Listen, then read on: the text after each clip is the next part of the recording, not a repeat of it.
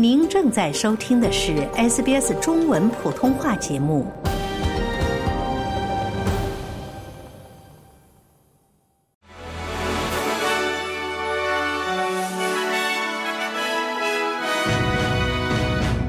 听众朋友们，下午好，我是 SBS 记者秋实。今天是二零二四年一月二十三日，周二。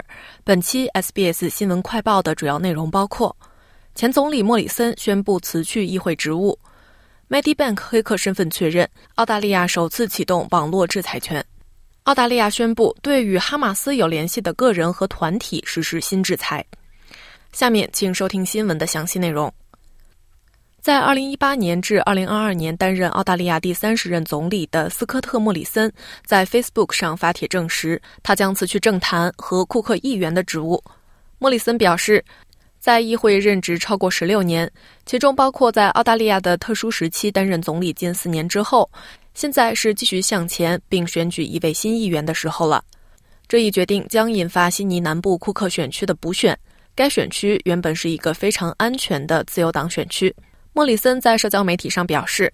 在悉尼南部为选民服务了超过十六年后，自己已决定在二月底离开议会，以迎接在全球企业领域的新挑战，并花费更多时间与家人在一起。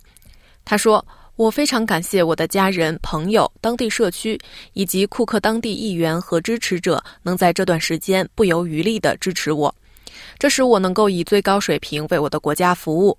我打算在二月底离开议会。”这将使我的党派有足够的时间来重新选择优秀的候选人。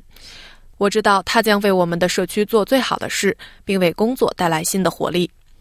澳大利亚将对一名在2022年攻击 Mandy Bank 黑客事件的俄罗斯人实施制裁，这是澳大利亚联邦政府首次使用网络制裁权。在该黑客事件中，至少有970万 Mandy Bank 的客户数据被泄露并发布在网上，包括姓名、出生日期和电话号码。外交部长黄英贤、内政部长奥尼尔和副总理马尔斯在今天上午证实，这起黑客攻击事件的幕后黑手是俄罗斯人艾姆拉科夫。对其的制裁将包括经济处罚和旅行限令。这意味着个人向埃姆拉科夫提供资产、使用或处理他的资产，包括加密货币等行为，将构成刑事犯罪，最高可判处十年监禁。网络安全部部长奥尼尔表示，这是历史性的一天。并称 Medibank 的系统漏洞是澳大利亚人经历过最具破坏性的一天。他说：“我们都经历了这一事件，数百万人的个人信息和家庭成员的信息被窃取，并残忍地被放到了网上供其他人肆意浏览。我认为这件事让我们明白，如果我们不加紧应对这一挑战，这一问题将给我们澳大利亚人带来巨大损失。这也让我们看到了我们所面对问题中另一些人的素质。这些人是懦夫，是人渣。”澳大利亚联邦政府宣布，将对与哈马斯和其他组织有联系的指定恐怖组织实施进一步制裁，并称这些制裁与美国和欧盟等其他盟友所实施的制裁一致。外交部长黄英贤说，制裁对象是与哈马斯、真主党和巴勒斯坦伊斯兰圣战组织有联系的三个实体和十二人。根据制裁。向被列入名单的个人或组织提供资金，以及与他们或他们的资产进行交易的人，可能会面临十年监禁和巨额处罚。黄英贤还说，他最近的中东之行证实了政府对以色列和巴勒斯坦两国冲突解决方案的支持。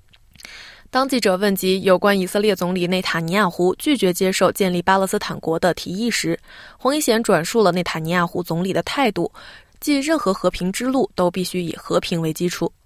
他说：“任何通往和平的道路都需要建立在独立的巴勒斯坦国方面取得的进展，这是确保巴勒斯坦人民和以色列人民的和平、安全和尊严的最佳途径。”好了，感谢您收听本期 SBS 新闻快报。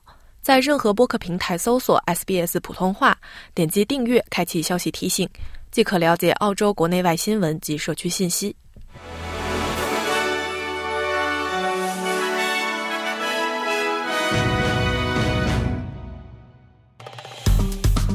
喜欢、分享、评论，欢迎您在 Facebook 上关注 SBS 普通话页面。